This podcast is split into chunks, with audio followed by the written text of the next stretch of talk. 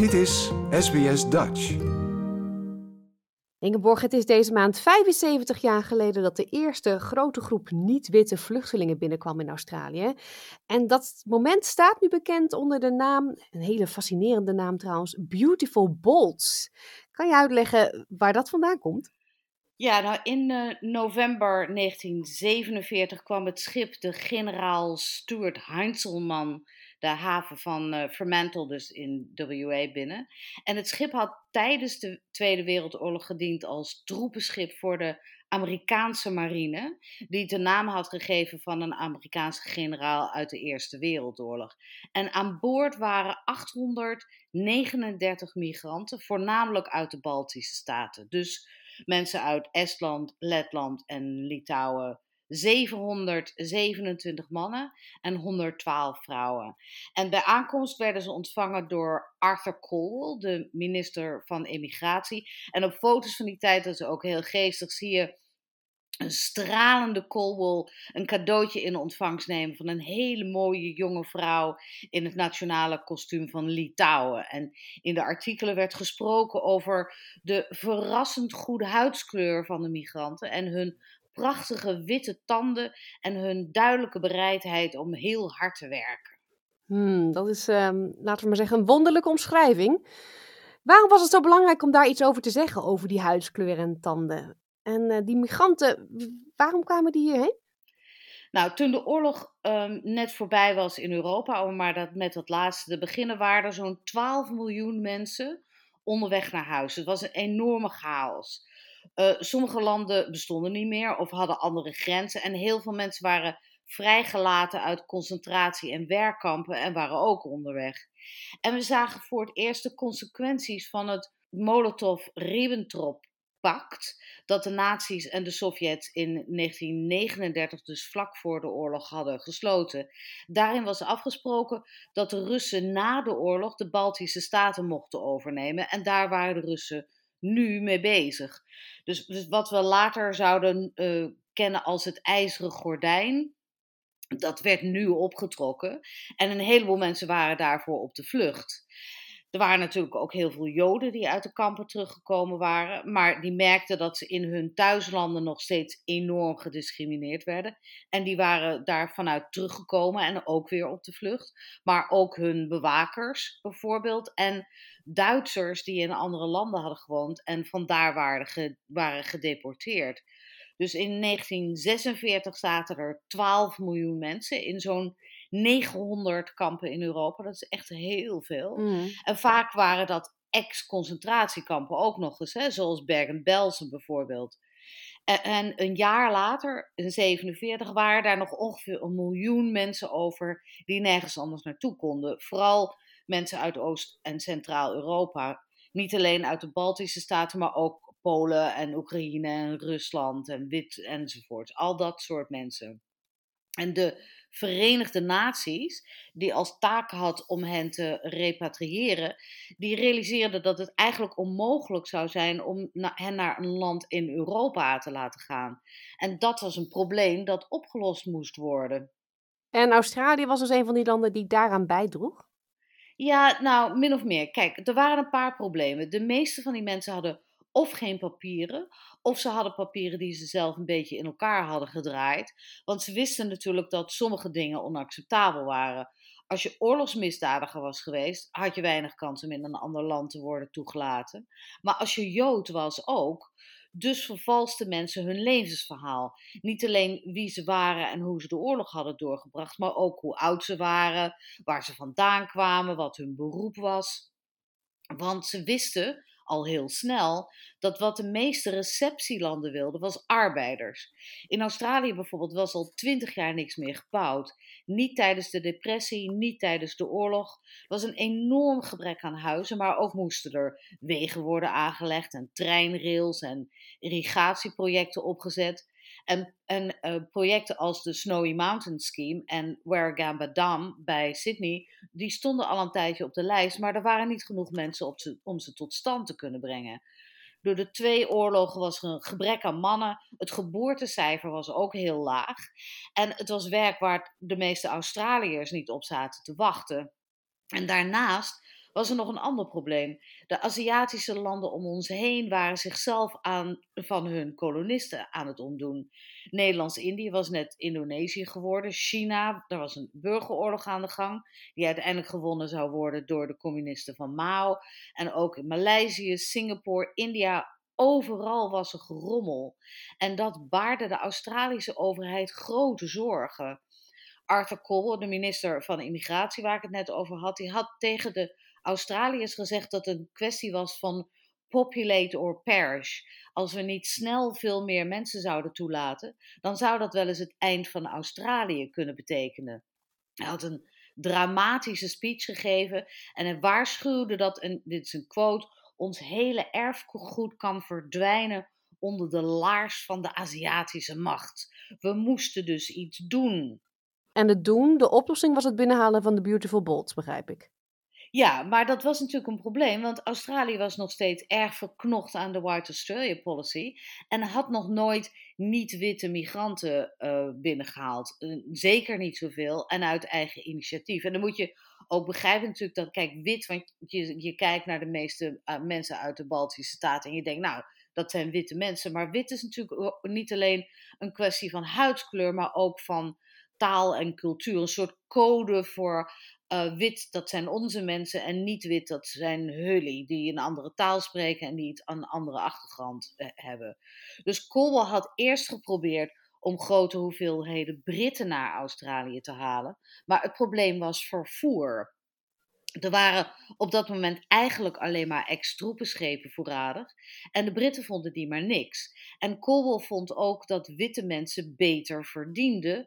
Dus er kwamen wel een paar groepen Britten naar Australië, maar lang niet genoeg. En ze begonnen ook gelijk te klagen over hun behandeling. Nou, Cowell wist van die miljoen mensen in de kampen natuurlijk. En hij wist ook dat de Amerikanen grotendeels zouden betalen voor hun vervoer naar ons land. Want de Amerikanen wilden die groepen uit de, uit de handen van de Russen houden. En ook dat het weer een beetje rustig in Europa zou worden. Want chaos was natuurlijk heel slecht voor de economie. En daarnaast, omdat het geen witte mensen waren, of mensen die gezien werden als wit, werd het niet zo erg gevonden om hen op troepenschepen te vervoeren. Dus dat was allemaal win-win. En nu moest dat ene obstakel nog worden opgeruimd: het feit dat Australiërs geen niet-witte migranten wilden. Dus wat nodig was, was een beetje marketing. En daar was Colwell per ongeluk heel goed in. Want Arthur Colwell was een hele interessante man. Hoewel zijn ouders allebei in Australië waren geboren, waren alle vier zijn grootouders of Ieren of Amerikanen van Ierse afkomst. En dat betekende dat Colwell iets snapte van migratie en van achterstelling en discriminatie. En daarnaast, tijdens de oorlog was Colwell minister van Informatie geweest. Dus verantwoordelijk voor zowel censuur als propaganda. Dus hij wist hoe dat soort dingen werkten. En hij was ook nog, dat was het derde eh, voordeel, de allereerste minister van de emigratie. Dus hij moest, maar hij kon het ook zelf nog een beetje uitvinden. En wat hij besloot was dat de, hij de migranten heel goed moest verkopen. Vooral dat eerste schip, omdat hij wist dat er tientallen journalisten op de kade van Fremantle zouden staan. Nou, ik ben wel heel benieuwd hoe hij dat dan verkocht heeft. Nou, allereerst stuurde hij een groep uh, migratieambtenaren naar de kampen. Zij moesten keuzes maken, wie wel en wie vooral ook niet. Geen zieke mensen, geen mensen die te oud waren, geen gehandicapten, geen mensen die duidelijk getraumatiseerd waren en ook geen Joden. Want de Australiërs hadden het niet zo op Joden. Een parlementslid zei in 1947, dus vlak na de oorlog, dat Australië vooral geen quote stortplaats moest worden voor mensen die zich niet wilden aanpassen.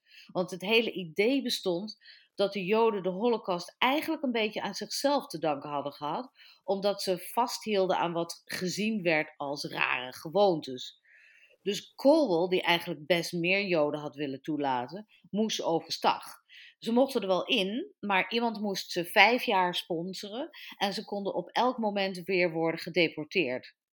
Uiteindelijk werden er maar zo'n 500 Joden toegelaten, onder die voorwaarden ook. En zelfs dat leidde al tot woede. Oké, Joden dus niet. En verder wist Colwell dat het verstandig zou zijn om zeker die eerste groep zo wit mogelijk te maken. Dus gaf hij zijn migratieambtenaar de opdracht om mensen te zoeken die, en dit is weer een quote, ons soort mensen waren. Mensen die je op Bondi Beach zou kunnen tegenkomen, zoals ze zeiden. Dus dat deden ze. Die eerste 839 migranten waren allemaal wit, mooi en jong. Het was een uitprobeersel, maar met, zoals Colwell het noemde, de beste types. En die werden omschreven op, ja, ik moet eerlijk zeggen, een bijna nazi-achtige manier. Ze moesten groot zijn, blond, blauwe ogen hebben. Eigenlijk dus leden van het meesterras. Ja, daar krijg ik kippenvel van, hè? de rillingen van. Werkte het? Pakte het goed uit? Ja, zeker. In Fremantle waren de kranten al enthousiast geweest. En toen ze later in Melbourne aankwamen, waren de kranten echt lyrisch. Een van de journalisten schreef dat het gretige en uitbundige jonge mensen waren die niet konden wachten om een nieuw leven te beginnen in Australië. En het ging echt zo van dik houtzaag met planken naar jaren van zwerver, honger, onzekerheid en lijden waren ze eindelijk in het beloofde land aangekomen. Ze staan te popelen om hun verleden te vergeten in een land waar er geen plaats is voor de schaduwen van hun donkere oorlogsjaren. Prachtig, toch? Australië voorgesteld als het land van het licht, waar het verleden als een slechte droom zou worden weggewassen. Hm. En dat was natuurlijk geweldig van Australië. Maar het was ook een waarschuwing aan de migranten zelf. Niet zeuren over je verleden, naar de toekomst kijken, hard werken, door. De gemiddelde leeftijd van die eerste lading was ook jong, was 24. Splendid types, zoals de krant zei. Geweldige types. En dit is weer een quote, omdat ze echt te mooi zijn. De mannen zijn jong, viriel, intelligent en klaar voor het harde werk. De vrouwen zijn sterk, gezond en mooi om te zien. Ze zullen geweldige burgers worden waar ze dan ook waren, Colwell was er vaak ook om de hand te schudden van een met zorg uitgekozen mooie jonge vrouw of een blonde mannelijke god.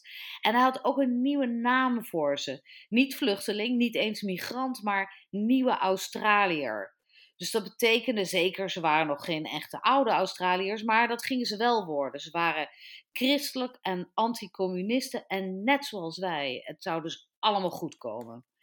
Later zei Colwell dat het hem ook niet gegaan was om het helpen van mensen, om Australië aan te bieden als, zoals hij zei, een toevluchtsoord voor onderdrukte. Uiteindelijk was de verdediging en de ontwikkeling van Australië het doel geweest. Hmm.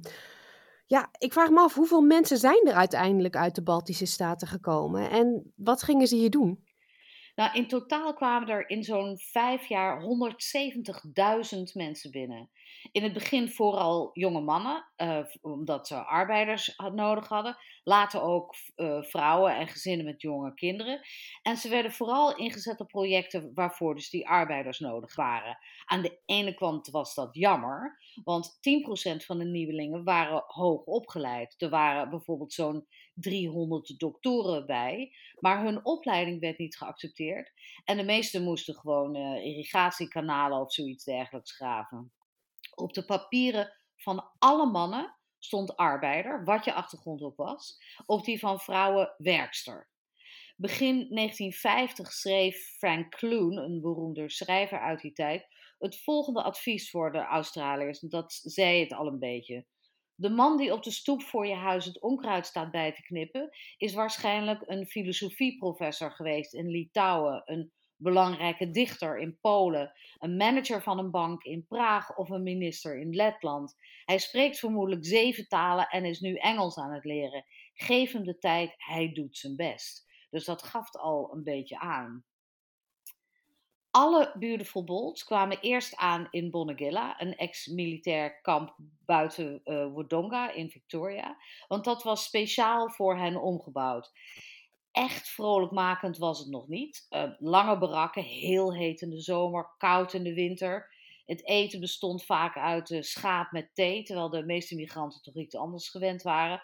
Want ze kwamen natuurlijk vaak uit grote Europese steden en zaten nu opeens in the middle of nowhere in Australië. Spraken de taal vaak niet, misten thuis hun cultuur, alles.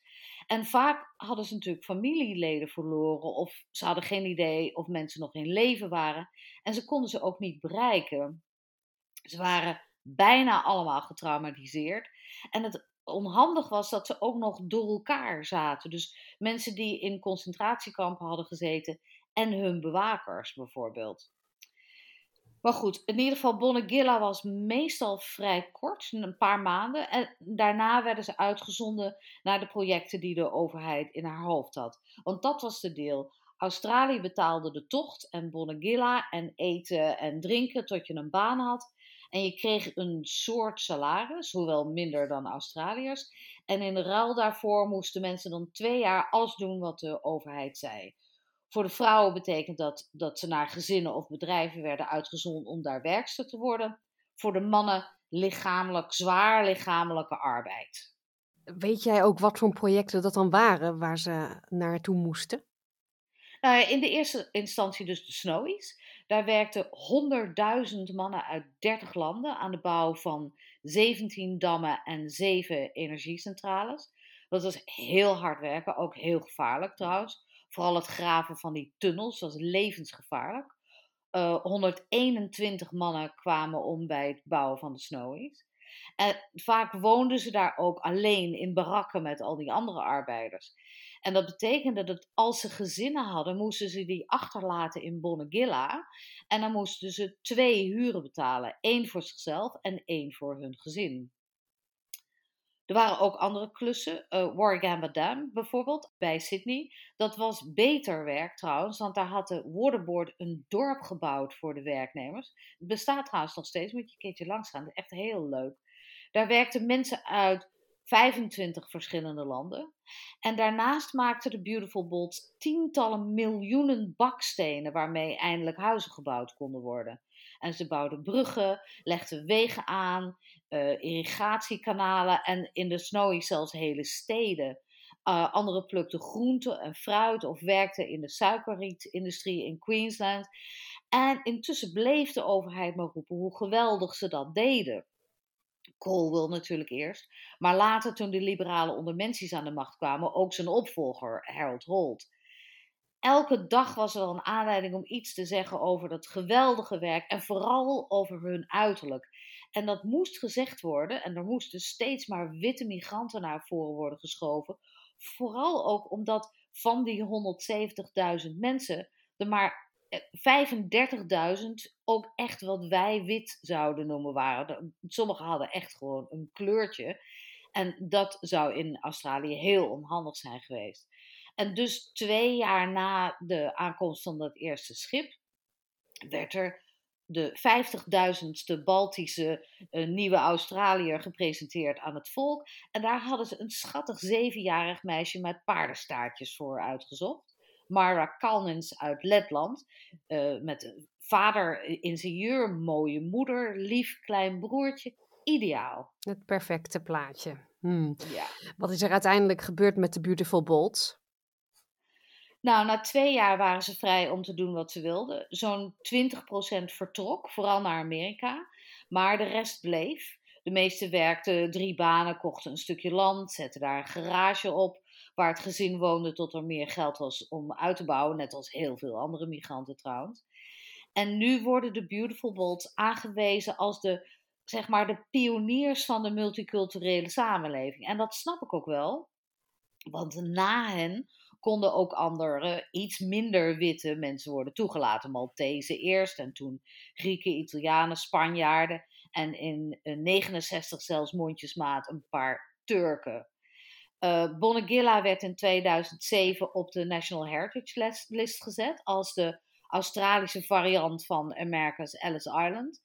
En de Bolten zelf um, zouden zichzelf altijd toch een beetje als ballingen blijven zien. Sommigen gingen zelfs terug trouwens in 1991, toen de Sovjet-Unie uit elkaar viel. Tegen die tijd hadden de meesten natuurlijk voor Engels de namen en gezinnen die gewoon Australisch waren. Uh, dus voor hen, ze werden gewoon opgenomen in, dat, in, uh, in Australië, zal ik maar zeggen. Maar voor Australië waren ze heel belangrijk, omdat ze eigenlijk het glazen plafond doorbraken. Het was dus een echt moment, 75 jaar geleden. En mocht je daar nou meer over willen lezen, dan kan ik een geweldig boek aanbevelen. Jane Pershing's Beautiful Bolts. Dat kwam een paar jaar geleden uit bij New South in Sydney. Het is echt heel erg de moeite waard. Wauw, wat een verhaal weer. Dankjewel Ingeborg. Nou, graag gedaan. Like, deel, geef je reactie. Volg SBS Dutch op Facebook.